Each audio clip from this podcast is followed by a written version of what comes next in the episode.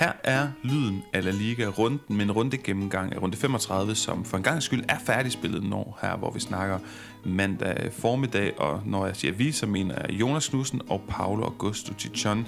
Jonas, det er en har jeg lyst til at sige, lidt vigtigere dag end, end så mange andre at snakke spansk fodbold på i dag, fordi det er dagen efter en, en øh, frygtelig racisme-scene udspillede sig på Mestalla, hvor at uh, Valencia tog imod uh, Real Madrid.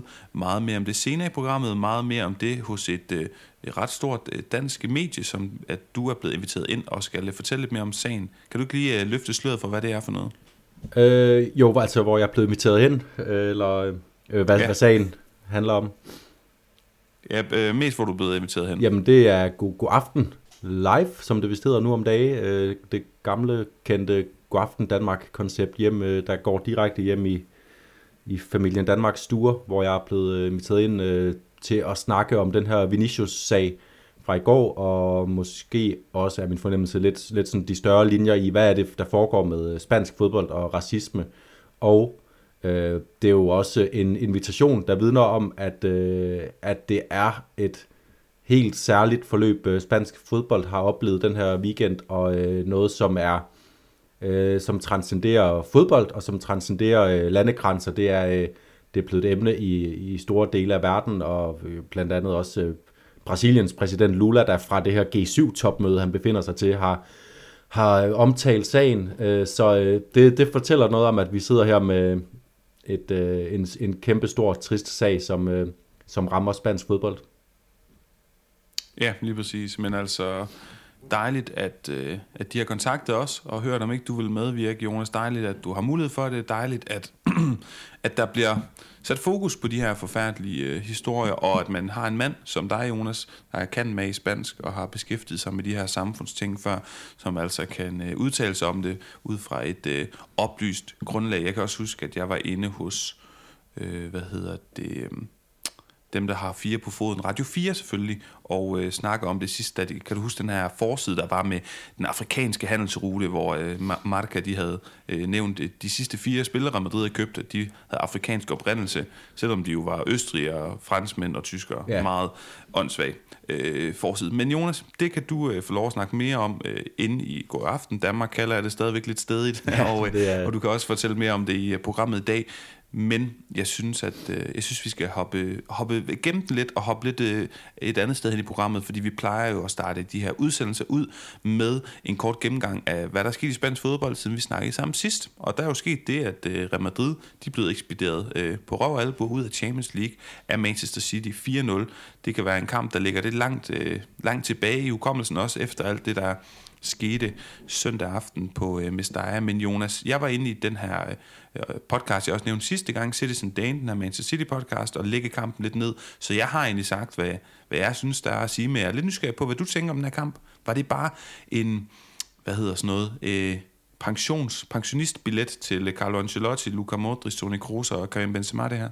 Nej, det var det ikke, øh, fordi øh, det var det her øh, øh, styrkeforhold, selv, selvom øh, altså jeg, jeg gav også lige muligheder efter den første kamp, for at de kunne øh, gå videre de to hold, så var det jo med den bevidsthed om, at, øh, at Manchester City, når, når, når alt kommer til alt, rent fodboldmæssigt, øh, ville være det hold, der stod med muligheden for at sætte øh, det andet hold, altså Real Madrid, til vægs. Og, øh, og for en gang skyld i Champions League-regi, og der kan man sige både for Manchester City's synsvinkel og for Real Madrids synsvinkel, for en gang skyld, så øh, levede Manchester City op til deres fulde potentiale, og, øh, og så var Real Madrid ikke stærk nok til at stå imod det pres, ligesom ingen andre øh, fodboldhold i Europa vil være det lige nu.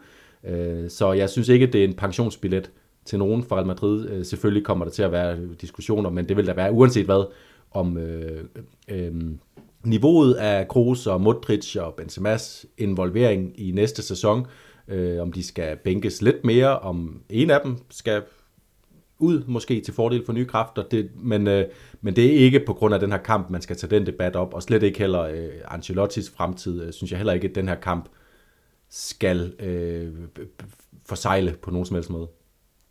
Men Jonas, hvordan kan det være, at Real Madrid jo, at de blev også fuldstændig domineret af Manchester City sidste år, men der, der var sådan noget mirakel og nogle andre ting indover. Øh, en Benzema, der var fuldstændig uhyggeligt effektiv. Øh, så tilbage til øh, nu her for et par uger siden, da de møder dem på Bernabeu, hvor de bliver fuldstændig spillet under græstæppet de første 20 minutter og en halv time, men rejser sig og har også selv presset Manchester City i bund i lange perioder af, af anden halvleg. Hvordan kan det være, at den kamp, vi vurderer, og det matchup, vi vurderer, var sådan relativt ligeligt i første kamp, at City så bare går ud og fuldstændig ødelægger Real Madrid, så de ikke får ja, nærmeste ben til jorden i hele den her kamp?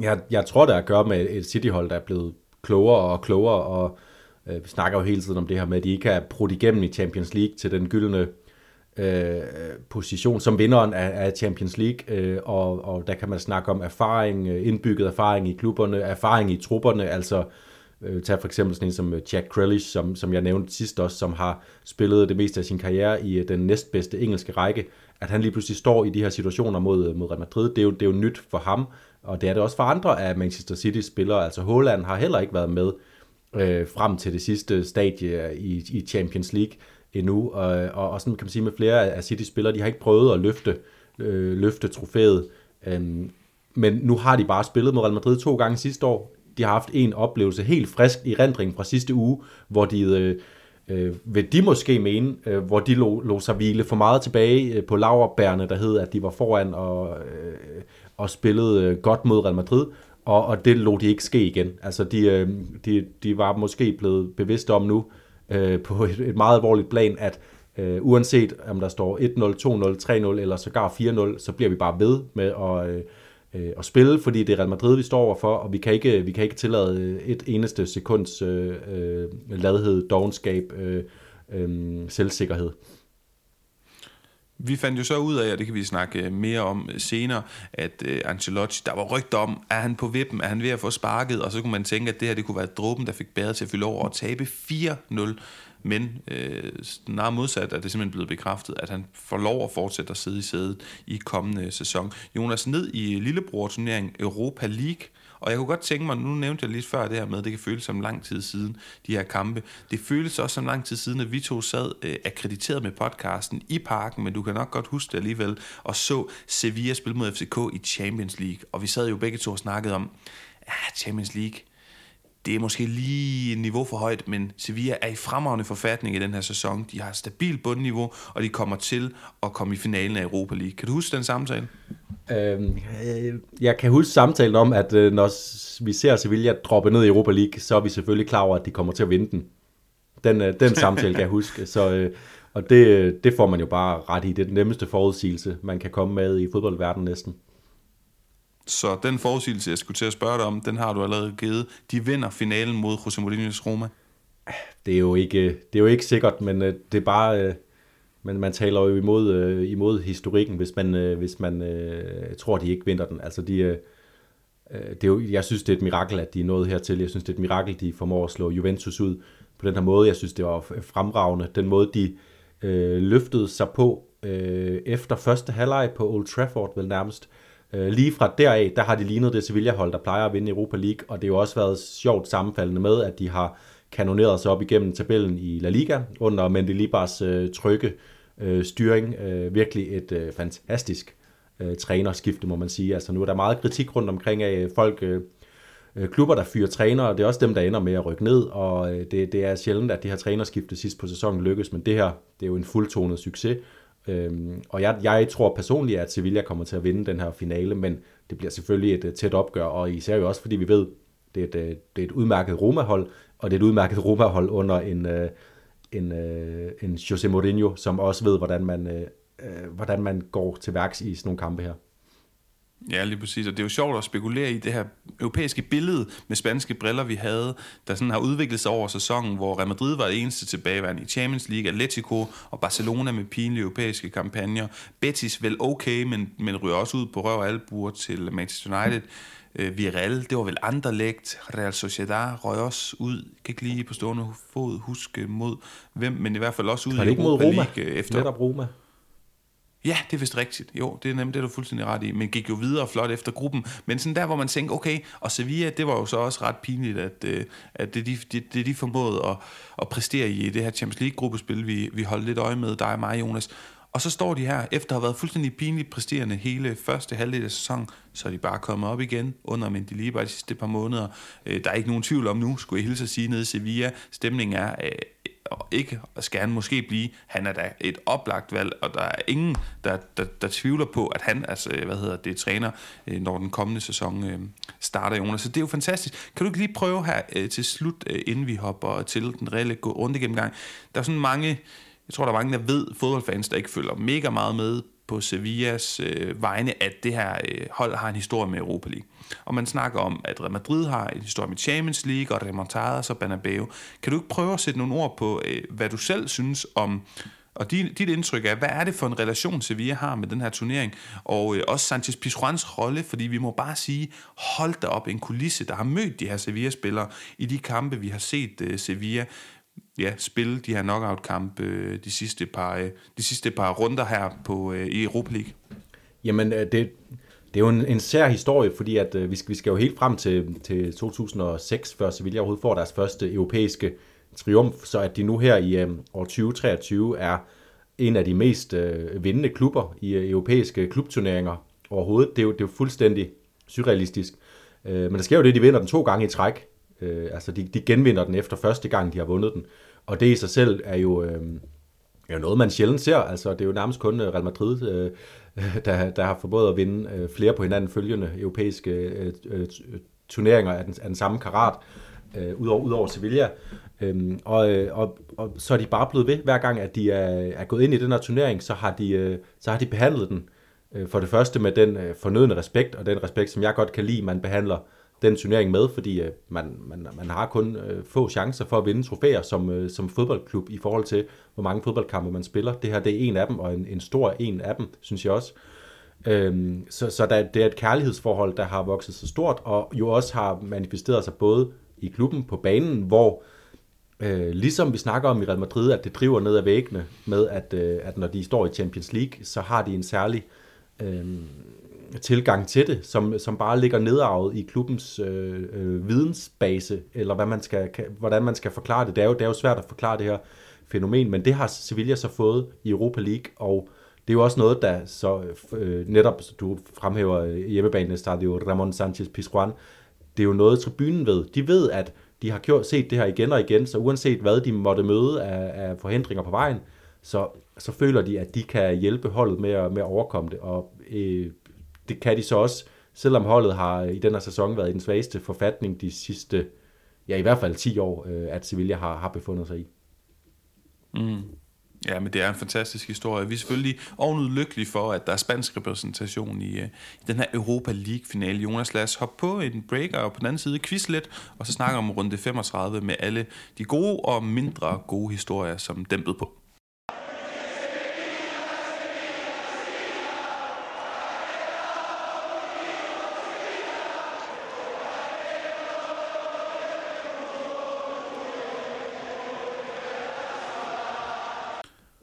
Og som vi plejer, Jonas, så skal du, øh, ja, nogle gange er det mig, men det er dig, der skal i den varme stol. Du skal øh, quizzes, og det skal du i samarbejde med vores partner Pondit, det her danske brætspil, der, lokalt, øh, der søger lokalfodbolden, er bæredygtigt produceret, har 60 dages fuld returret, og er garant, det er ikke noget, de siger, det siger jeg, øh, for god underholdning og en masse fodboldnørderi. Det er jo sådan et brætspil, hvor man øh, har en masse spørgsmål, man skal gætte på spillere via forskellige information. Får man gætte rigtigt, så rykker man frem på banen og kan score et mål, og på den måde vinde over sine venner og bekendte, øh, kollegaer, familiemedlemmer, you name it, i det her øh, fantastiske spil. Så sidder man derude og bliver nysgerrig på det, tjek det ud, brug vores øh, rabatkode, som er kun er til lytter af Lyden af La Liga. Rabatkoden er Lyden, L-Y-D-E-N, og så 20, 2 og 0 Bogstaverne er store bogstaver, og så altså de her to tal bagefter. Det står også i beskrivelsen af den her podcast-episode. Og så får I 100 kroners rabat, og samtidig støtter I Jonas og, og mit arbejde i podcasten her med 100 kroner per spil, I køber. Så hvis I nu står for en koncern, eller et andet, der har brug for mange brætspil, så køb der bare en masse. Nå, Jonas, tilbage til dig. Du skal gætte på noget, øh, du skal på noget hollandsk. Spanien, Holland, 5-1. 13. juni 2014. Du husker det nok, en vild fodboldkamp, og jeg sidder her med Hollands startopstilling. Og der er flere spillere, som har begået sig i spansk øh, fodbold.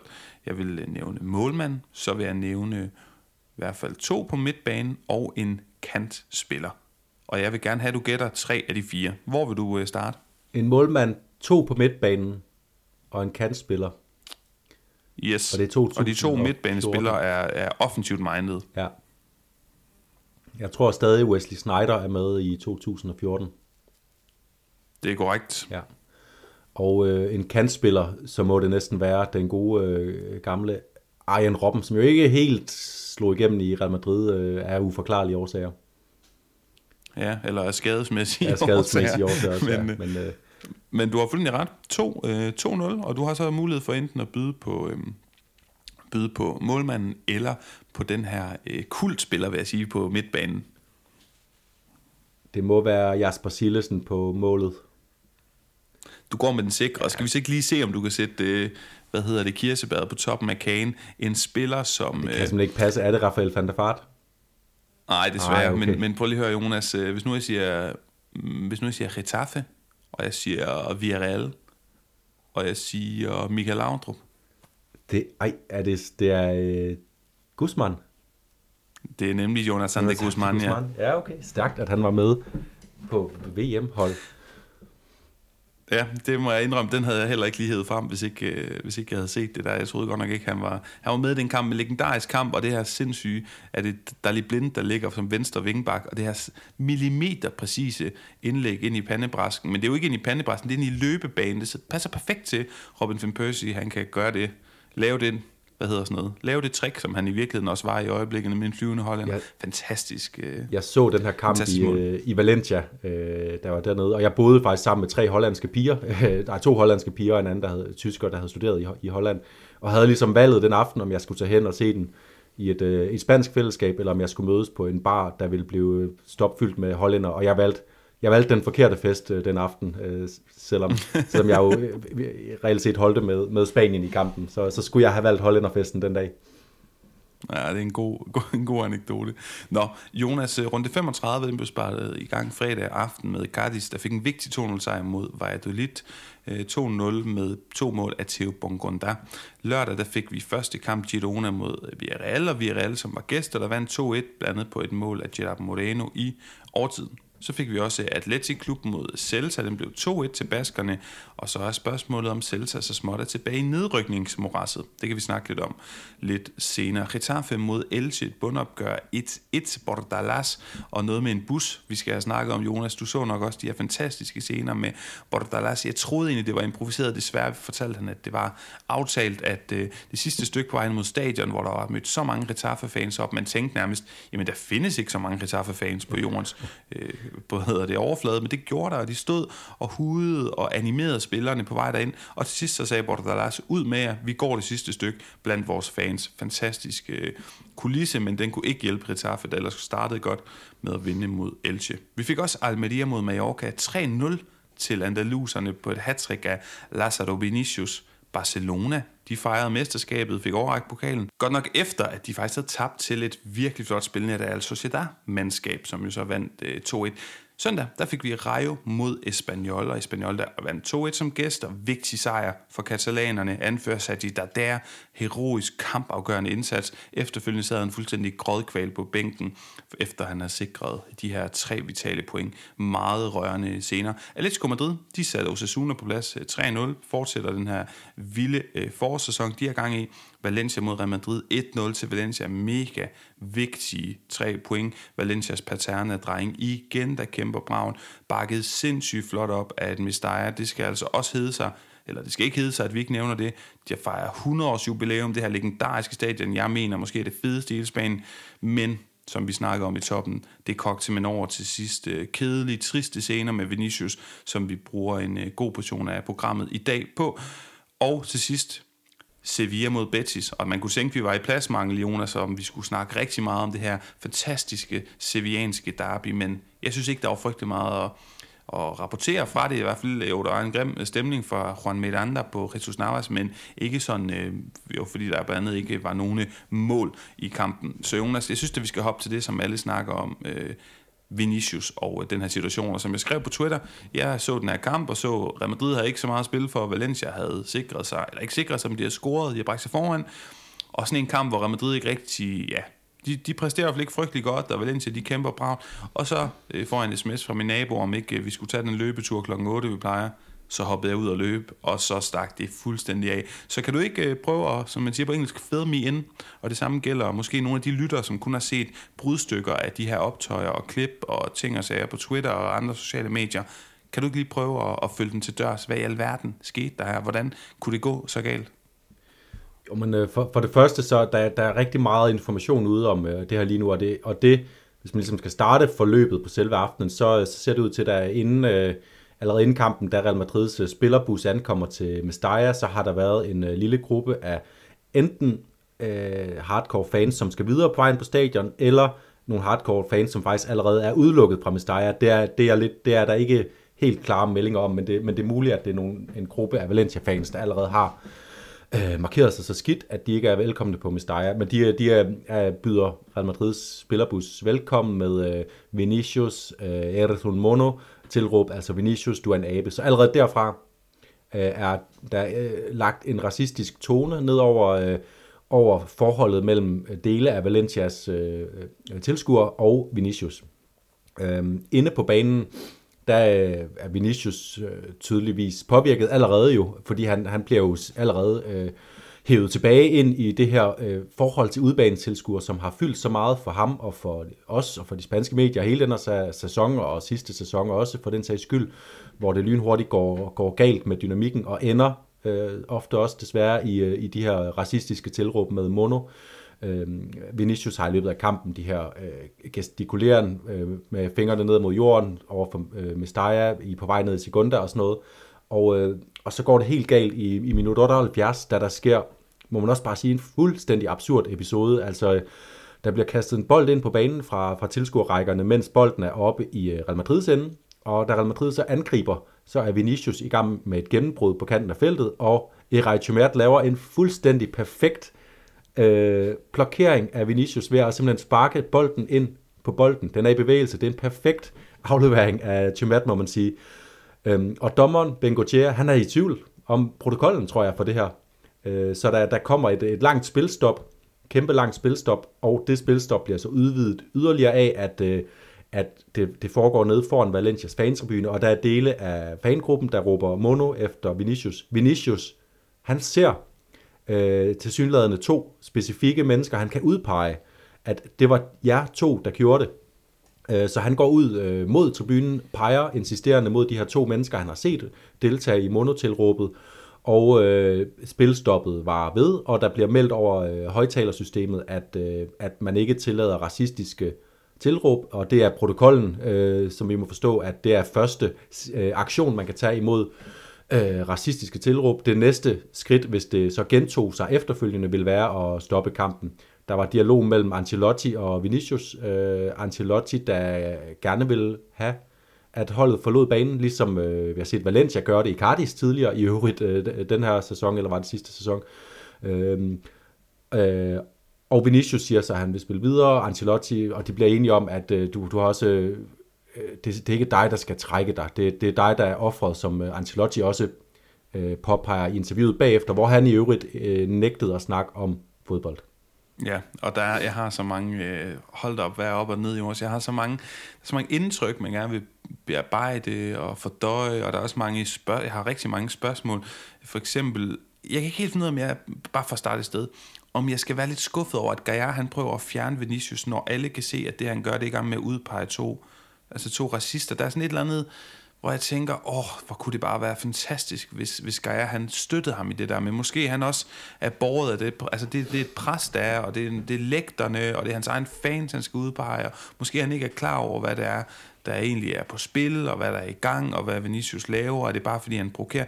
Der er så mange øh, spørgsmål, og er Ancelotti, der kommer lidt på glat is ved at sige, at det hele Mestalla alle, hele stadion, der er racister, og alle står og råber af Vinicius, og det er naturligvis ikke rigtigt, men der er bare så mange ting i det her, der er så forfærdelige, og som også er så svære at ja, og, og analysere ordentligt på, eller i hvert fald forklare og videreformidle præcist og, og, og nøjagtigt, fordi Jonas, ja, du har garanteret også hørt det her, jeg har hørt det Latgado her fra, øh, fra i går aftes, det her Øh, mest udbredte spanske sportsprogram, der bliver lyttet af rigtig, rigtig mange mennesker i radioen. Og den måde, de, de, for, altså den måde, de formidler de her scener fra Mestalla på, det er med dramatik, og det er med aggressiv, øh, stemningsfyldt musik, og nu skete det igen, Vinicius i vælten, og Super Deporte, jamen det kommer jeg tilbage til senere med koringer, der er helt forkert i måden, som de griber de her ting an på. Der er så mange øh, ja, talrige eksempler på, hvordan man ikke skal gribe det her an på. Er der overhovedet noget fortrøstningsfuldt tilbage, når man sidder og kigger på det her, synes du? Øhm, det eneste positive, der er at sige om det her, det er, at nu, lige nu snakker alle om det her, og øh, netop som vi også øh, snakkede om, at det, det breder sig så langt ud over øh, spanske grænser, at øh, La Ligas renommé ikke længere kan tåle at være at sidde det her overhørigt. Der, øh, det, det er jo der er jo også øh, opstået en, øh, en beef, om man så må sige, mellem øh, Javier Tebas og Vinicius, som har Javier Tebas, som er præsident for Ligaforbundet, øh, og som er ansvarlig for at afvikle de her kampe, øh, om håndteringen af det, øh, fordi som Vinicius anklager dem for øh, ikke at gøre noget ved det, lade det passere, øh, og dermed også være en del af problemet, øh, mens Tebas peger på, at øh, de gør, hvad de kan, og, og der er jo også det her med, at øh, La Liga har rejst 15-16 sager i løbet af det sidste års tid, som, øh, som næsten alle sammen er blevet afvist ved, ved domstolene, fordi at der ikke har været tilstrækkeligt med øh, mulighed for at udpege skyld, øh, skylderne, øh, mens der har været tilfælde på, øh, i Valladolid og på Mallorca, hvor øh, hvor der rent faktisk er, øh, er kommet retssager ud af det mod personer, øh, på, der har været der har deltaget i de her tilråb. Øh, så, så det er lige præcis den diskussion er så sindssygt svært at finde ud af, om, øh, om Vinicius retter sin vrede det rigtige sted hen, øh, og især også fordi lige præcis det her problem øh, med racisme, det er så svært at pege på, hvad skal man præcis gøre ved det, fordi man kan udpege sønderne, så vidt man kan finde frem til dem, øh, men øh, basically så er det jo også et strukturelt problem i, øh, i samfundet, der omgiver fodbolden, og fodbold er, som vi, øh, fodboldstadion er, som vi, vi ved, øh, ofte et spejl af samfundet, og der er en underskov af, af racisme i, øh, i små dele af det spanske samfund, som så kommer til udtryk, og som, øh, som fodboldklub er man lidt prisgivet, fordi man lukker øh, 45.000 mennesker ind på et stadion, og man har jo ingen mulighed for på forhånd at, at sige øh, og, og afvise, at der er nogle af dem, der kan komme med de her øh, dybt øh, øh, forarvelige og øh, øh, umenneskelige øh, synspunkter, som kommer frem, når, de, øh, når, når deres vrede rettes mod, øh, mod Vinicius, som så har øh, en, en hudfarve, de latent ikke bryder sig om. Og du kan sige, så længe man ikke er villig til at investere mere i infrastruktur, mere i sikkerhed, mere i, og egentlig være villig til at gå det skridt, der hedder et, i højere grad overvågningssamfund, i hvert fald når vi snakker fodboldstadions, jamen så kan enhver idiot, der har råbt alt muligt fuldstændig vanvittigt og være bandlyst fra øh, det ene og det andet, jamen kan bare få sin syge mosters billet og så gå ind i den anden ende af stadion. Altså bedre styr på det, er, det er i hvert fald mit indtryk, er der ikke, i hvert fald ikke overalt.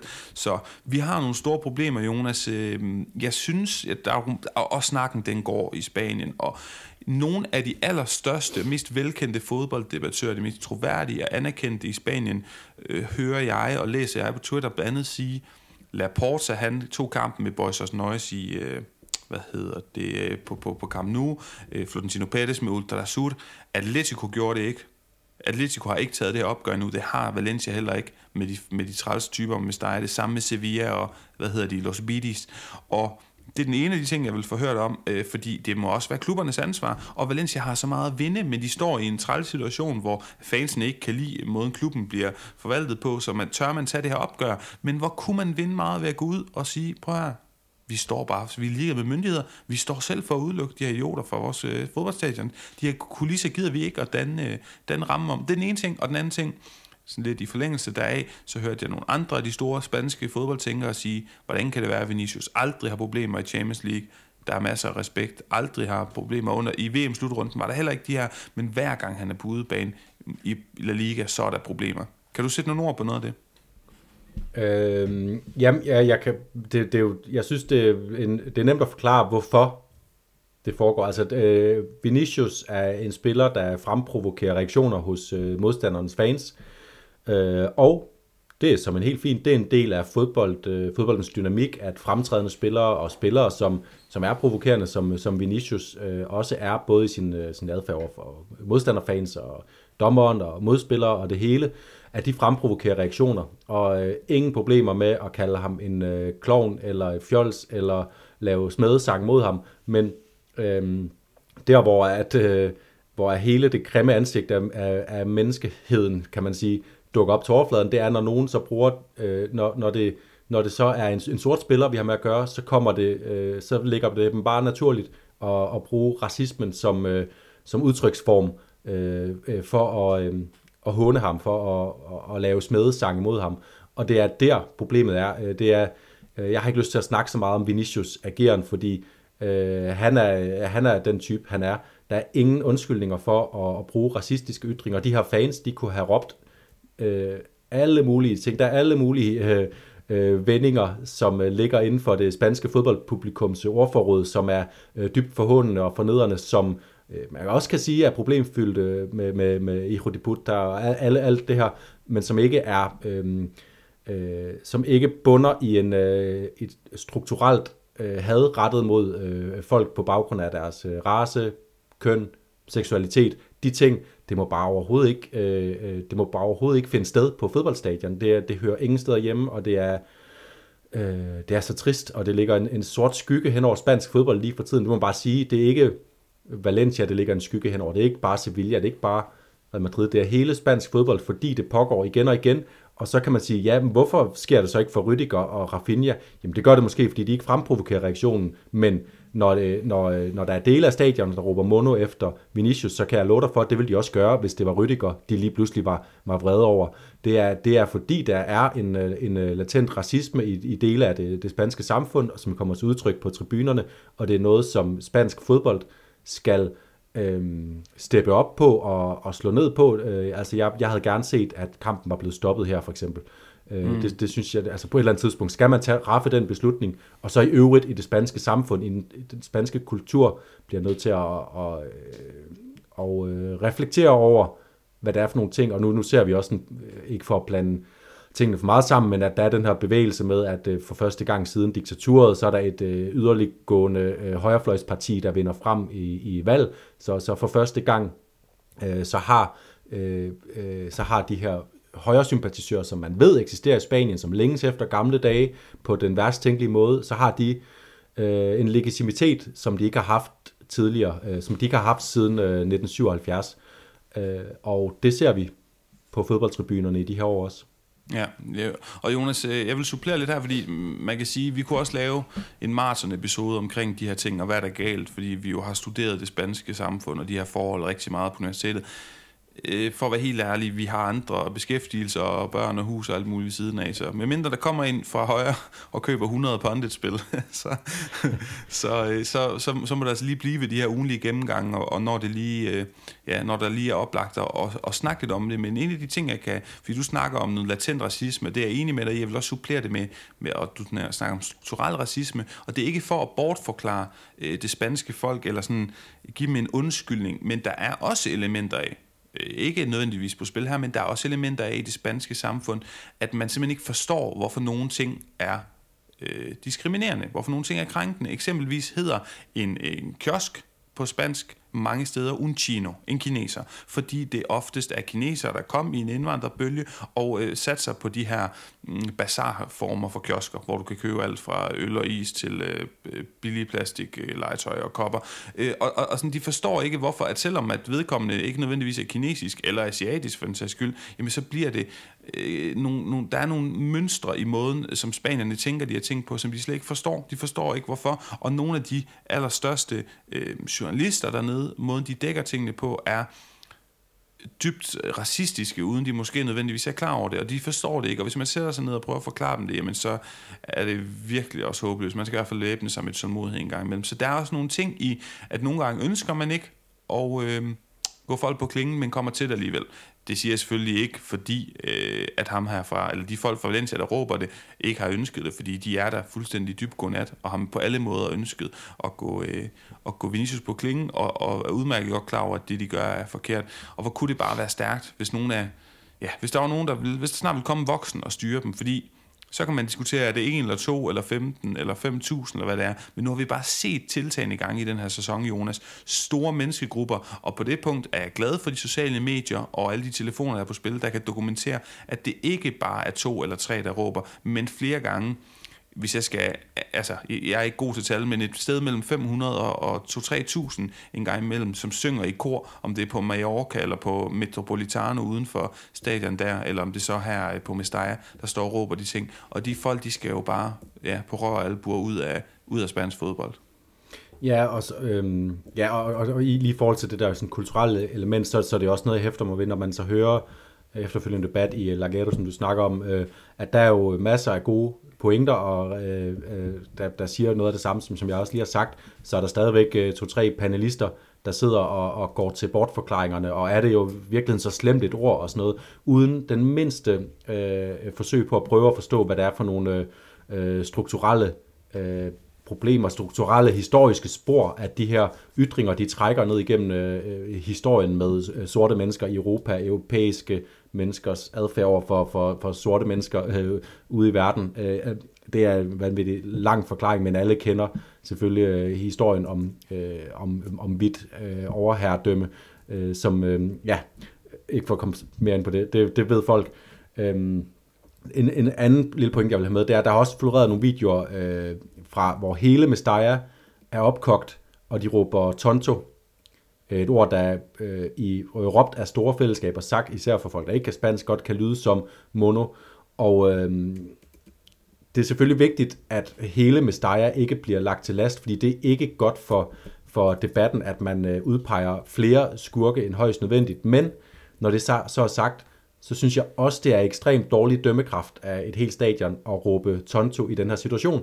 Øh, fordi hvad gør de? De, øh, de, de går med på en, øh, en, en, en en sang imod Vinicius i en situation, hvor der lige er blevet øh, råbt, eller bliver råbt, øh, måske endda samtidig i kor, mono efter ham, så, så de giver på en eller anden måde en, øh, en opbakning til, at man råber efter ham, så, så kan det godt være, at de råber noget andet, øh, som, øh, som overhovedet ikke har nogen som helst former for racistiske undertoner, men de underbygger atmosfæren, og øh, det, det jeg vil ønske, det var, at øh, lige så snart øh, der bare var en, der hørte ordet mono blev, øh, blev sunget, fra nogen som helst tribune, så svarede man øh, ved at bakke op om øh, offret, altså øh, no al racismo, eller øh, et eller andet udsagn, som, øh, som stadionerne i Spanien kunne tillære sig, fordi øh, Spanien som samfund, øh, spanske fodboldfans, spanske fodboldklubber, øh, Spanien som fodboldkultur, øh, alle os, som følger spansk fodbold, har brug for at se, at, øh, at det ikke er en, en kultur, der gennemsyrer hele det spanske fodboldpublikum, og det har vi bare ingen, vi har intet belæg i en diskussion mod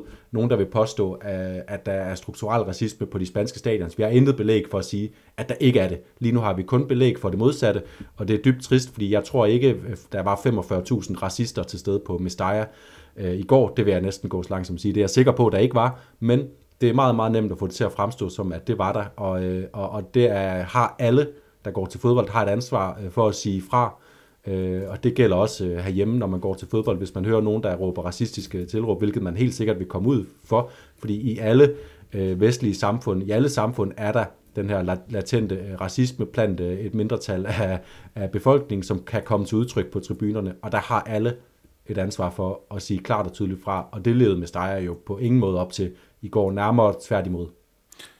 Vigtig diskussion, øh, vigtige nuancer, Jonas. Tak for dem, og som sagt, hvis man hører mere, så fang Jonas i det, der engang hed God Aften Danmark, som hedder God Aften Live nu i aften, hvor han er med til at, at sætte nogle flere ord på, øh, på alt det her. Jonas, lad os øh, hoppe hen til Diego Lopez. Ikke den tidligere Madrid-målmand, men endnu en ung paterneknæk fra Valencia, som scorede det enlige mål og afgjorde den her kamp. Og lad os ret hurtigt komme væk fra den her kamp. Jeg vil gerne slutte den her kamp med at spørge dig, fordi det er en god historie med de her Badaterne og drenge, men hvor er Jonas Knudsens Valencia-barometer lige her og lige nu? For nu er de jo oppe på de 40 point.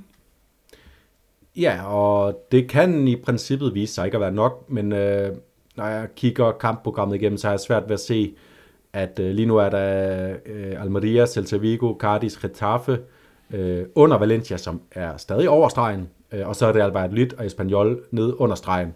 Jeg har svært ved at se, at, øh, at tilstrækkeligt af dem øh, når de 40 point eller mere til, at Valencia kommer i fare. Så mit øh, Valencia-barometer ligger på, på 9 ud af 10. Så stadigvæk, der er en lille kattelem åben, fordi øh, matematisk set kan de stadig øh, rykke ned. Det kan gå galt for dem endnu, hvis de taber resten af kampene. Øh, det tror jeg heller ikke, de gør. Så derfor så ligger det, øh, så ligger det på øh, meget højt. At Valencia er...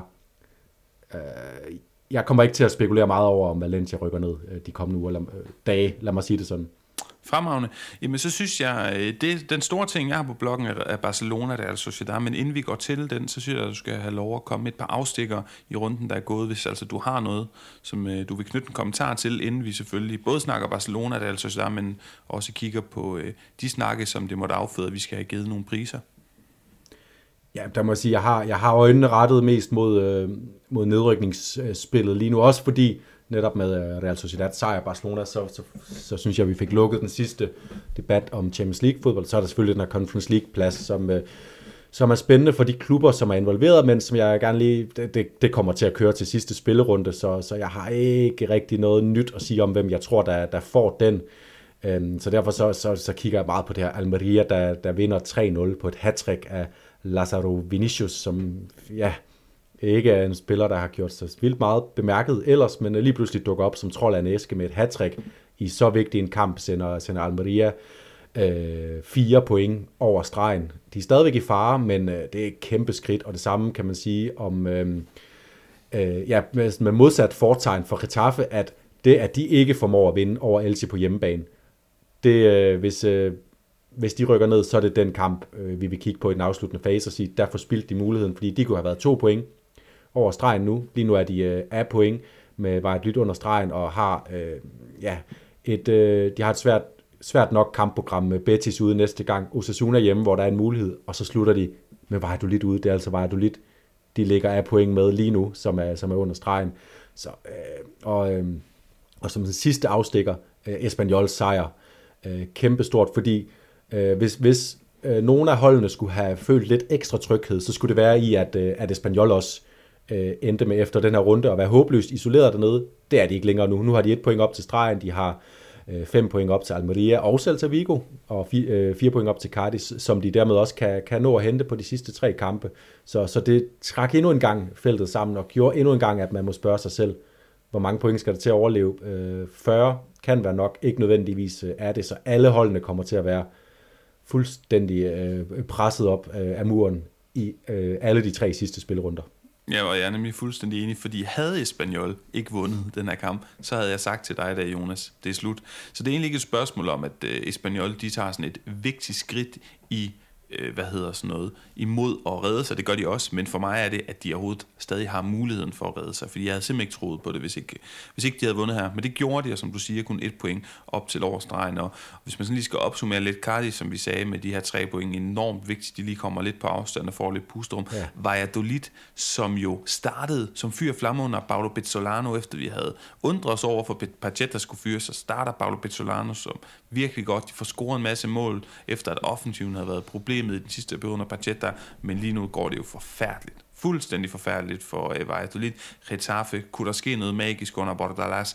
Det ser desværre ikke sådan ud lige nu, og hvis ikke Altså, hvis man ikke kan vinde over Elche efter de scener, den kulisse på Coliseum Alfonso Pérez, øh, ja, i forbindelse med de her ting, vi snakkede om, og fanmarsch og bussen, man stiger ud af, jamen, hvornår i alverden skal det så være? Almeria til gengæld er rigtig flot, øh, som du snakker om med det her hat og så, ja, altså, Valencia, som, som du snakker om, du siger også, de praktikamente salvados, de er mere eller mindre øh, øh, reddet for den her sæson, og det tror jeg da egentlig også. Så lad os øh, holde øje med det fremadrettet, Jonas, men hvis jeg må, så kunne jeg rigtig godt tænke mig at gå til Real Sociedad's øh, kamp øh, på Camp Nou mod Barcelona.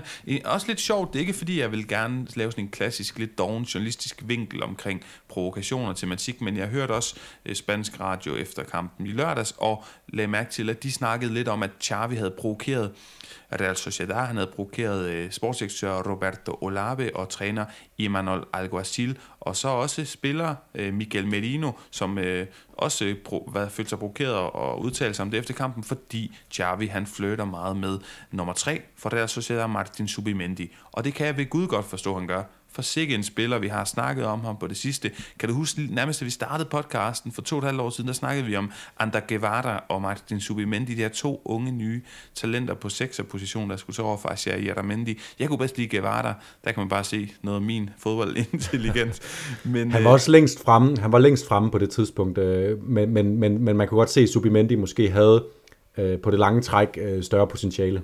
Ja, og det kommer jo i lyset af, at Busquets har sagt, at han stopper efter sæsonen, og Xavi ud og sige, uanset hvad, så skal vi have en ny sekser. Og øh, det var også lidt det, jeg spurgte dig ind til sidste udsendelse, om Frenkie kunne gøre det, og det mente du ikke, og det gør Xavi egentlig heller ikke. Altså, der skal være en, en specialist på sekserpositionen, som man siger øh, på spansk. I hvert fald, Real Sociedad, øh, de gav en æresport til Barcelona, var lidt træt af alle de her øh, rygter om Subimendi, så gik de ellers på ud og sagde, jamen med anført af en storspillende Subimendi. Nu giver vi Barcelona kamp til stregen i den her kamp, som skulle have været en hyldest til Barcelona-mesterskabet. Og de var så gode. De var så forbandet gode, Real Sociedad, at jeg tolker lidt, at både Robert Lewandowski og Marcos Alonso måske burde være smidt ud for nogle små svinestreger. De, de slår sådan nærmest frustreret begge så ud efter, Real Sociedad spiller i perioder og frustrationen de breder sig bare på kamp nu.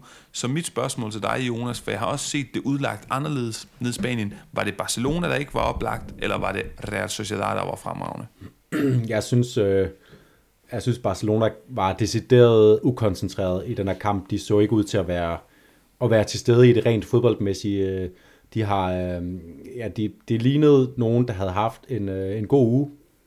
Lad mig sige det sådan, øh, hvor, øh, hvor de har fejret et mesterskab Øh, fordi øh, de fejl, som øh, Koundé laver, de fejl, som Rafinha laver, øh, det, er jo, det, er jo, det, er jo, det er jo graverende og usædvanlige personlige fejl af, af FC Barcelona-spillere, som starter mange af Real Sociedads angreb, som jo så bliver godt udført. Øh, og, og det ved man jo også bare, at øh, selvfølgelig mod Real Sociedad, som er et af de, de bedste hold i Spanien, men også i hvilken som helst La Liga-kamp, hvis man kommer ud og er så ufokuseret, så, så har alle holdene øh, evnerne til at, og, og udføre ting på et niveau, så man kommer, så man, øh, kommer i problemer. Man kommer ikke sovende til, øh, til noget som helst i La Liga, og, og det var det her også bare øh, et udtryk for, at, øh, at, at Barcelona kommer ikke til at feste sig igennem en, øh, en, en kamp mod så svært, øh, svær en modstander. Jeg synes, det er en fantastisk detalje omkring den her kamp. Der efterfølgende, så bliver Michael Medino spurgt ind til, det er første gang, jeg har vundet i en menneskealder mod Barcelona, og bla bla bla, de er mestre og sådan Og så siger og du ved, I scorer to mål på Ter Stegen, der altså nærmest ikke er blevet scoret på i, ja, i flere år, skulle jeg til at sige. Og så siger han, ved du hvad? Altså, den måde, han i, i postmatch-interviewet lægger væk på, at det, de har været bekymret for, det er ikke noget af det her. Det er, at vi reelt, de har været i gang med at bide dem i knæhaserne. Det synes jeg er et fantastisk lille vindue, en lille indsigt i, at man kan stå nok så meget som medie og prøve at formidle de her ting og belyse dem og putte vinkler på og spørge frem og tilbage. Men i sidste ende, så er det ikke altid, man har øh, den fjerneste idé om, hvad der foregår op i de her spillers hoved. For det, de har været bange for, det kunne man tydeligt høre på Mikkel Medino, det er, at det her Villarreal hold, det virkelig er begyndt at, øh, at vise tænder, og øh, har været så gode og strukket den her gode stime sammen under kigge sit tænde på det seneste. Så det synes jeg var, det synes jeg var fedt, fordi, jamen, hvorfor skulle de også være bange for Barcelona? Selvfølgelig er det et godt hold, men de har vundet mesterskabet, og vi ved, hvad det gør øh, ved motivation. Så for lige at færdiggøre Jonas at Real Sociedad, jeg synes lige, de fortjener den her opmærksomhed. Jeg har sådan kigget, ja, det, det har længe øh, set ud til, at de skulle i Champions League kommende sæson, og det, det gør de nok definitivt med den her sejr, og det er da rigtig flot. Men igen, det der med lige at huske sig selv på, hvor kommer de fra? mange år uden europæisk fodbold, der var nede i Segunda Division omkring Morten Skovbro, der var det i midt nullerne. De sidste tre sæsoner er de endt på 6. pladsen, 5. pladsen og 6. pladsen, så ret stabilt og Europa League osv., men at de hopper op i det fineste selskab nu, øh, taget det her definitivt skridt op, det skal virkelig applauderes. Og det betyder også penge mellem hænderne, Jonas. Man har før været kloge, synes jeg, med, med handler i øh, Real Sociedad. Brais Mendes og Kuba har vi rost den her sæson. Mikel Merino, Alexander Isak. Skal de ikke bare skynde sig ud, Roberto Olape, og kaste nogle penge i hovedet på Leipzig og hente ham der, den fantastisk bulrende, bravende nordmand op foran? Øh, jo, det, det skal de vel. Det er, ikke, det er for mig at se ikke afgørende på nogen måde. Jeg tror, at han kommer til at starte næste sæson som andet valg i angrebet øh, igen, og det er han fantastisk til. Hvis han er alt for dyr i forhold til at skulle spille anden violin i, i Real Sociedads angreb, så, så synes jeg ikke, man skal, øh, springe banken for det, men øh, altså helt klart, hvis jeg, hvis jeg sad øh, og havde muligheden for, for at købe ham til Real Sociedad lige nu, så vil jeg, så vil jeg gøre det og anbefale dem at gøre det. Øh, men det er ikke det springende punkt for mig. Det springende punkt for mig, når, når Real Sociedad får de her penge mellem hænderne, det er, at de tør udvide truppen i kvalitet en lille smule, øh, få købt øh, øh, direkte forbed- forstærkninger ind til deres, øh, deres bakpositioner, som vi har snakket så meget om, at de er på forkant med at erstatte eventuelt øh, afgang fra Subimendi, at de tør øh, holde, måske afvise nogle bud på, på nogle andre spillere, hvis der måtte komme noget på, på Kubo eller Oyarzabal, eller hvem, hvem der ellers kunne være interessant. Nu har jo Oyarzabal i gåsøjne heldigvis for dem været, været meget skadet den her sæson, så han er måske ikke så interessant på transfermarkedet. Men det, det springende punkt for mig, det må være, at de tør lave den her udvidelse, så de kan kæmpe med på, på alle fronter, fordi øhm, der skal ikke meget til, for at de også kan kæmpe endnu længere med op, fordi kvaliteten er så stor i deres, deres grundspil, at hvis de lige får, øh, får et nyk op i kvaliteten på et par pladser her og der, øh, og i bredden, så de, øh, så de bedre står imod øh, de her faser i sæsonen, hvor de får skader og karantæner, og, og hvor vi ser de her notoriske dyk, som de har som, som hold, så, øh, så kan de bare drømme så stort, og øh, øh, og bare, der, ja, det, der er ikke nogen, øh, der er garant for, at øh, hverken Real Madrid eller Barcelona de rammer over 90 point næste sæson. Altså det kan sagtens blive en, en tæt top, ligesom det også burde have været i den her sæson, øh, hvis ikke øh, Barcelona havde været så, så magisk øh, gode i deres, øh, deres defensiv. Så, så jeg synes, det, det må være det, som jeg drømmer om, at øh, Real Sociedad gør med, med de penge, der ligger og venter for dem nu. Ja, jamen øh, det, bliver, det bliver så spændende. Nøj, hvor er de bare godt kørende. Den fodboldklub, hvor har de bare en fed model, hvor spiller de bare godt. Og jeg kan høre, at din gode ven Ibrahim Umar Sadiq, han, øh, du, har, du har store forventninger til, at han kan gå ind og tage den her øh, plads. Jeg synes godt nok, det er sjovt at se, øh, hvad hedder det, vores... Øh, vores, øh, vores gode ven Sørlot, Alexander Sørlot, øh, som spydspids på det hold, men lad os da se Umar Sadiq, ja. der er også noget anarkisme og noget fysik indover der. Hvis vi skal uddybe det, så er det altså også bare, at de perioder, hvor det altså Sociedad har set uh, ufarlig ud, så har man også godt kunne pege på, at Sørlot har spillet en rolle, fordi så er det, at hans uh, fodboldmæssige kvaliteter, de er ikke, de er ikke oppe på det der topangriber i La Liga-niveau. Han har så han har nogle evner, som øh, i de rigtige kampe, og hvor han, øh, hvor han rammer, rammer de gode kampe, så er de uimodståelige, og så er de svære at forsvare sig imod, men sådan over en, over en hel sæson, så, så er hans øh, tekniske kvaliteter ikke gode nok til, at han kommer til at kunne dominere et tophold i La Liga øh, på målscoringsfronten, eller altså at skabe det angrebsspil, der skal til for igen og igen, og uge efter uge, at vinde og dominere modstanderne at score mange mål, øh, og derfor har vi også set Real Sociedad have de her udfald, hvor de ikke formår at få scoret, hvor de ikke formår at få lukket kampe, hvor de ellers er foran, og hvor de så må, må have nogle uafgjorte resultater osv. Så, så det er derfor, det er ikke, det er ikke fordi, jeg har ikke noget mod Sørlot, jeg synes, han er, og han, han, er, han er netop sjov at se, når han rammer det her niveau, men øh, øh jeg tror, at Sadik på den lange bane kan have, have større kvaliteter. Og måske, hvis de, ikke, hvis de tror, at hans skade har været for voldsom, så tror jeg også, at man vil øh, kigge efter at købe en. Vi glæder os til at holde øje med det. Jonas, øh, et par meget fortjente ord på, ja, altså deres søsters præstation. Skal vi øh, lige nu at vende Barcelona lidt? Har du noget, du skal have nævnt, inden vi hopper videre i programmet?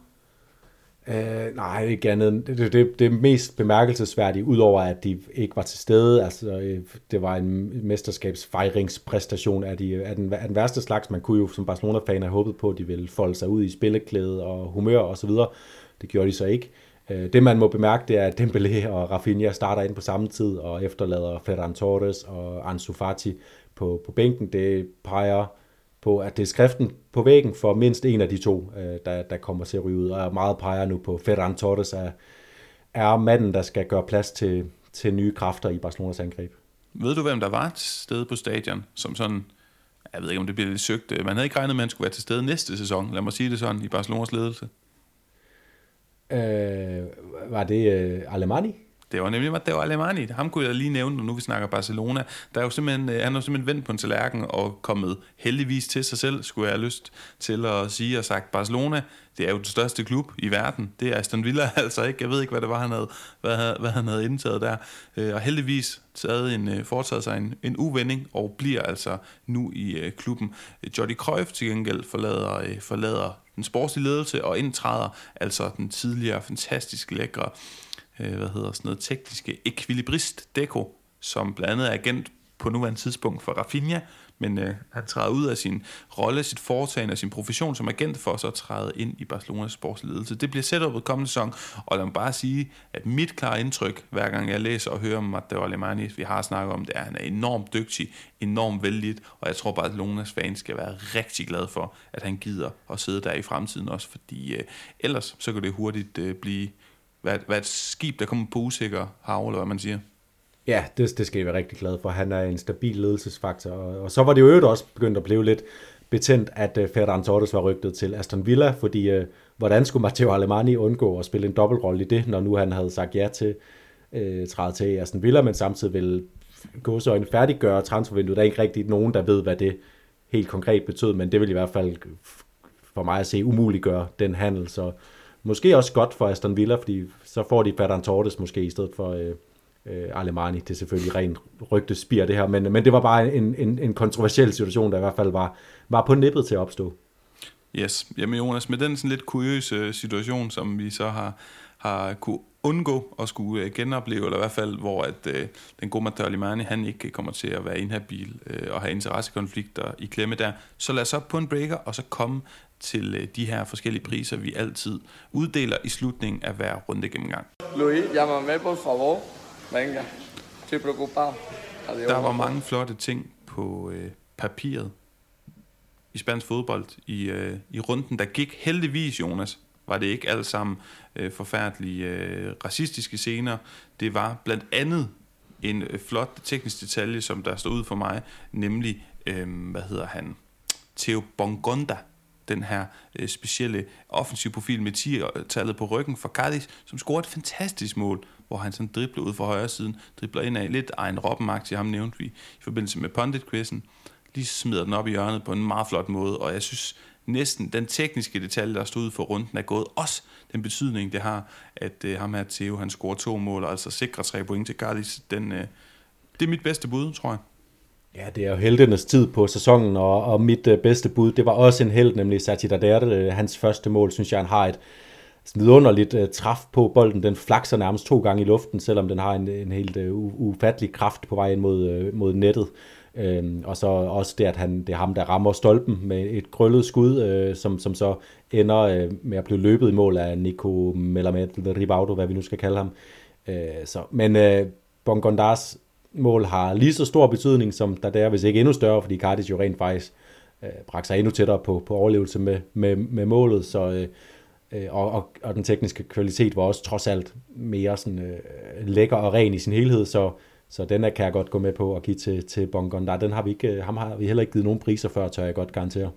Nej, jeg skulle til at sige, jeg kan være i tvivl om, vi nogensinde har nævnt hans navn før, men øh, det er altså kreatøren, Cardis kreatøren, Jonas El Juron de la Jornada, den spiller, der stod ud for sin bedste, mest positive præstationer.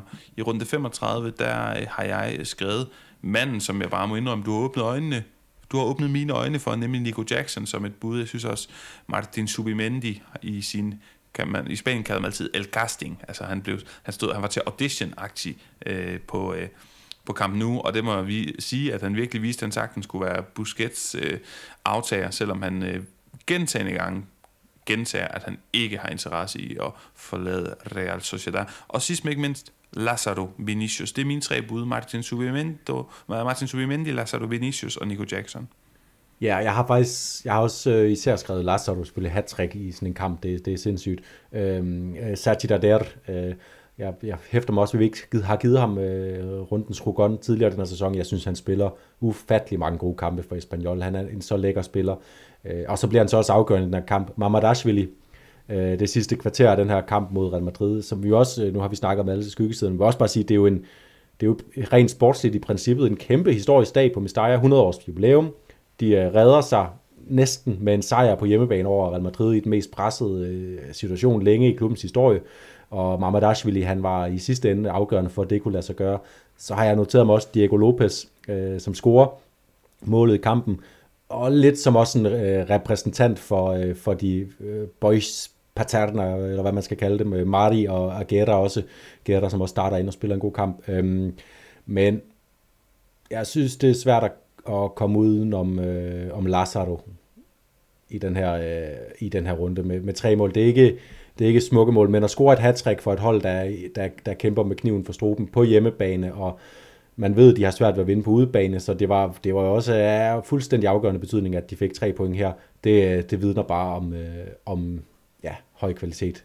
Altså, jeg synes, det første mål, der brager han derinde. Det, det synes jeg godt, man kan kalde smukt. Ja, det er rigtigt. Det, det, det er stærkt. det andet mål. Det er det andet, det andet mål, han, øh, han banker ind fra, fra kanten af feltet med, ja. Med stor Nå. kraft, og de andre er sådan nogle striker-mål, kan man sige. Mm, jamen fint, Jonas. Øh, den får, øh, den får den gode Lazaro. Så det tager jeg så til Theo Bongonda og Lazaro Vinicius, der får El Hugon. Det er i sandhed, i sandhed overlevelseskampen, øh, kampen, ja. der har fokus på, på lyden af La Liga. Det har den så ikke i min drænte negative historie for ugen, der er gået.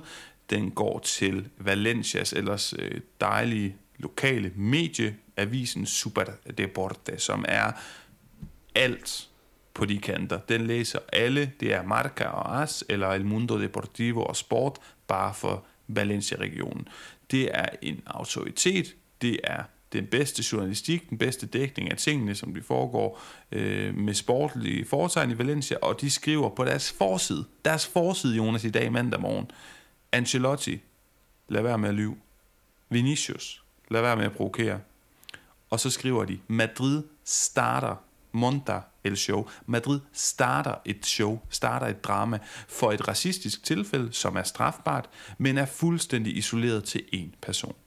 Og det synes jeg er fuldstændig mangel på ja, situationsfornemmelse for at starte et sted. De har også et stort ansvar som avis, som, altså de skal formidle de her ting nøgternt, øh, og de ved, hvor mange mennesker, der modtager det her, og som også lader, lader deres position, deres holdning farve enormt meget, og lader sig forme af, hvad de læser fra en så stor øh, hvad hedder det, autoritet, som et nyhedsmedie som Superdeport er. Det er ikke en eller anden tilfældig hjemmeside, det er en kæmpe avis, det her. Nøj, jeg synes, det er enormt med den der forside, og det forklarer lidt om, hvor svær en kamp det er, man er i gang med at kæmpe med det her racisme i Spanien. Ja, og det, det, er, jo, det er jo simpelthen et spørgsmål om, om vinkling, og de går med, med en fuldstændig forfejlet lokal patriotisme. Ægte lokal patriotisme vil være at bekæmpe de øh, interne kræfter, som har, øh, som har øh, for at sige det lige ud, skidt på Valencias historie, renommé og omdømme ved at, at agere, som de har gjort. Øh, og, og så kan jeg godt forstå, at man føler sig øh, stødt over Ancelottis øh, bemærkning om, at det var et helt stadion, der råbte mono. Men øh, hvis man ser det interview, hvor Ancelotti får sagt det her, så er det også et interview, hvor han, øh, han bliver mere og mere vred i løbet af det her interview. Og så ender han med at tage munden for fuld, og efterfølgende har han nedtonet lige præcis den bemærkning og sagt, at det selvfølgelig var en, en, øh, en mindre andel af, af Mestaya, der råbte de her ting. Det er fuldstændig øh, ude af proportioner at bruge det som en negativ vinkel, og jeg behøver sikkert sige, at selvfølgelig skal man ikke rette sigtekornet mod Vinicius i den her situation. Det er victim blaming i sin værste form, og det, øh, og det er, ja, det er jo det eneste, der er lige så slemt som at udøve selve racismen i, øh, i det her forløb. Så, så min trende, som ja, jeg har bare skrevet racisme på Mestalla, racisme i spansk fodbold, den, den går bare i samme øh, dur som det, du påpeger her. Og Jonas, prøv at forestille dig, hvor fedt det kunne være, hvis forsiden på Super Deporte i morges havde været, altså mandag morgen, hvor altså billeder af de her paterna-drenge, billeder af 100 års jubilar, Valencia, der er i en af de værste øh, tilstande, den klub nogensinde har været i, og så, så klarer man det med Ruben Baraja, med Carlos Martinez, ikke en fantastisk romantisk historie, og så stod der bare med fedt. Alt det her, det blev fuldstændig ødelagt. Den her fejring, af ungdommen og fremtiden og fortiden og alt det, som indkapsler og symboliserer Valencia, og alt det, Valencia står for, som ikke har en skid med Peter Lim at gøre, fordi han er en idiot, det blev ødelagt af nogle idioter, der opfører sig racistisk. Så kunne man virkelig komme, ja, det vil jeg kalde lokal patriotisme på den rigtige måde. Ja, og det er det, vi har, det, det er det eneste, det er den eneste vej frem for, for spansk fodbold øh, herfra, og burde have været det længe, det er øh, øh, benhård modstand mod det her, og, og den ene mulighed efter den anden bliver, bliver forspildt, og, øh, og, og så et andet aspekt er også det her med, det kan godt være, at man gerne vil nuancere debatten, og det er tit godt at nuancere debatten, lige når det kommer til at begynde at snakke om øh, Vinicius ageren, om Real Madrids ageren i forbindelse med det her, så er det ikke en, en debat, der for mig ser har plads til nuancer. Den har plads til lige så mange nuancer, som, øh, som de, debatten i gåsøjne om, om menneskerettigheder havde i forbindelse med VM i Katar. Der er ikke plads til nuancer. Det, øh, det er ikke et politisk spørgsmål, om man er øh, for eller imod racisme. Selvfølgelig er man imod øh, racisme. Det, det kan ikke være et legitimt standpunkt at være racist. Øh, end of story.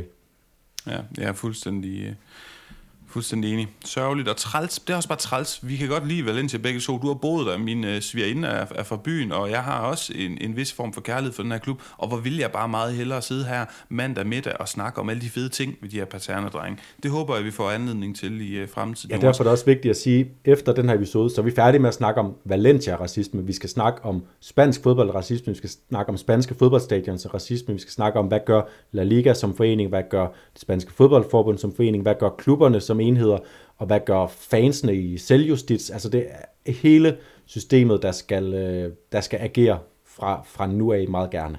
Ja, jeg så flere på sociale medier, der skrev, Valencia sikke en ulækker klub.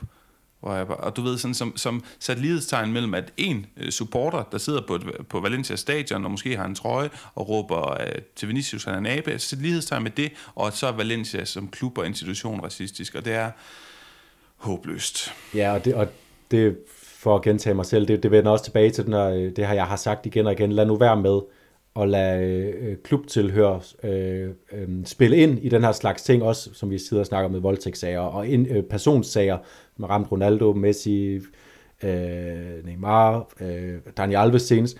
Det har ikke noget at gøre med, hvad for en klub du repræsenterer. Det har noget at gøre med, hvad for værdier du repræsenterer, øh, og der er, der er kun én rigtig værdi at repræsentere i det her spørgsmål. Det er en stærk antiracisme, og det er jeg ikke villig til at diskutere. Enig.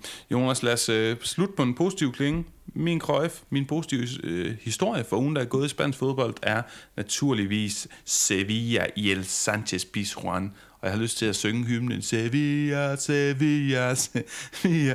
Jeg er fuldstændig op at køre, når der er europæisk fodbold om aftenen på Sevilla i midtugen så er der ikke et sted på jorden, jeg hellere har lyst til at befinde mig. Og hvor er det fantastisk, at de netop den her sæson igen har muligheden for at vinde La Septima, den syvende Europa League-titel. Nøj, hvor er jeg stor Sevilla-fan, når, det, når de skal spille øh, mod, øh, mod AS Roma og José Mourinho. Fantastisk, de har bragt sig der, hvor de, øh, hvor de er nu. Ja, jeg har skrevet ingen ved min krøjf, fordi jeg synes, det, det var så alt overskyggende, det der er foregået her, og det, jeg synes, det fortjener al pladsen i, eller det fortjener så meget som muligt af pladsen i dækningen af spansk fodbold den kommende tid, og øh, jeg håber, vi ser forbedringer allerede i kommende sæson. Selvfølgelig skal Sevilla øh, hyldes for det, de har begået rent sportsligt. Så øh, jeg siger ingen, men tilslutter mig så din, din hyldest af Sevilla og et kæmpe held og lykke til, til dem i... Nej, jeg ved faktisk ikke lige, hvor finalen skal spilles, men imod Roma i finalen. Modtaget Jonas, lad os så komme frem til en forudsigelse frem mod kommende runde. Midturunde, jeg er lidt i tvivl.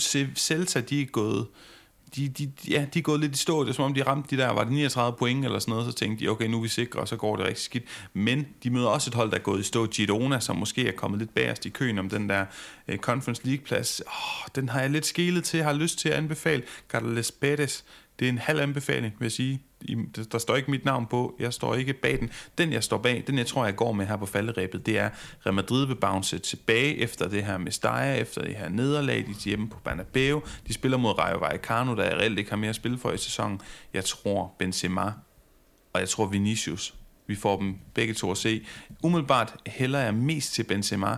Det er faktisk kun efter, vi har snakket om, alt det her træls noget med racisme og Vinicius. Jeg har lyst til at sige, at jeg godt kunne forestille mig, at han har så stærk en mentalitet, den unge mand, at han kan vende det her til noget positivt og give os en øh, opvisning. Så som udgangspunkt, køb Benzema. Har du råd til det på holdet.dk, så køb også hans ledsager, Vinicius. Jamen, øh, vi har ikke forberedt det her, men jeg har præcis den samme pointe omkring Real Madrid. Nu har de haft deres øh, lille øh, øh bounce ned mod bunden øh, efter Champions League, som jo selvfølgelig deflated deres sæson og gjorde, at nu har de ikke mere at spille for, og så kom der den her kamp på, på Mestalla, som er alle mulige årsager, men også på grund af deres, øh, ja, simpelthen motivation, øh, ikke gik godt. Nu tror jeg, nu, nu skal de lige ud og vise de sidste par kampe, øh, at, øh, at de er Real Madrid, og at de øh, er klar til næste sæson, og der er selvfølgelig også nogle individuelle spillere, der gerne vil noget, og jeg har netop også øh, efter gårdsdagens hændelser skrevet Vinicius. Jeg tror, han kommer til at være elektrisk øh, på hjemmebane, Øh, mod Rayo, og så håber jeg for den sags skyld også, at han er elektrisk i den næste udekamp, de har, som er øh, i Sevilla, hvor, øh, hvor han må, må jagte et eller andet form for succes på udebanen. Så ind med Vinicius er min anbefaling, og jeg har lidt samme anbefaling med Barcelona. Altså nu havde de det her, den her nedtur, efter de havde fejret mesterskabet. Jeg går ikke ud fra, at de har været ude og feste måske var de ude at feste lørdag, efter de har hævet trofæet, men jeg, jeg, jeg går ikke ud fra, at de fester øh, hele vejen frem mod deres, øh, deres kamp mod øh, Valladolid i midtugen, øh, at nu er de tilbage, hvor de skal, skal lige vise, at det er os, der er mestrene. Vi kan spille sådan her, vi kan øh, score mål, vi kan lukke af bag til. Øh, det tror jeg gerne lige, de vil bruge de sidste tre kampe på. Og så tror jeg også, at øh, Lewandowski gerne vil, øh, vil stå tilbage som en mere kloværdig målskytte. Han er, han er lige, på, lige nu på vej til at blive den mindst øh, hæderskronede topscorer siden starten af nullerne, øh, altså hvor det er alt, man scorer altid over 25 mål. Det, øh, det vil Lewandowski også gerne. Så jeg tror, øh, Lewandowski eller Vinicius, det er mine to øh, bud på, øh, på selvfølgelig dyre indkøb, men også nogle, jeg tror kan give øh, hurtig valuta for pengene her i slutræset på holdet.dk. Jamen god bud, Jonas, og lad os øh, så så småt pakke sammen og lukke ned for en lille smule øh, trist omgang, i hvert fald en omgang, som er tynget af, at vi skulle snakke rigtig meget om den her øh, rigtig træls racisme-sag, der udspillede sig på Mestaya søndag eftermiddag aften. Husk, på at øh, kigge på Jonas Knudsen, lytte til hans øh, sprøde øh, røst og et lækre smørstemme, ikke kun er i podcast, men altså også i God Aften Live i aften. Husk at købe et punditspil til en, du holder af, hvis du vil quizze og dykke ned i de mærkeligste kaninhuller, som de her kort jo giver anledning til, når man sidder og kigger på dem. Det er fantastisk underholdning for familie og venner. Og sidder du derude og tænker, tja, pundit, jeg ved ikke, men jeg har virkelig lyst til at høre Jonas og Paolo fortælle rigtig meget om et givet emne. Det kunne være spansk øh, ja, øh, samfundsstruktur, racisme, der er blandt, det kunne være alt muligt andet mærkeligt, jamen så køb en hel kasse, en hel sæt, en hel masse af de her spil med rabatkoden, og så lover vi, at vi nok skal hoppe i studiet og svare på lige præcis dine spørgsmål. Men indtil da, så have det rigtig godt. Se en masse spansk fodbold. Nyd, at sommeren så småt er ved at indfinde sig. Nu skal jeg passe på, at jeg ikke jinxer det i Danmark. Og så, øh, så lyttes vi ved til en forhåbentlig mere positiv omgang øh, snak med spansk fodbold i hovedsædet næste gang. Ciao.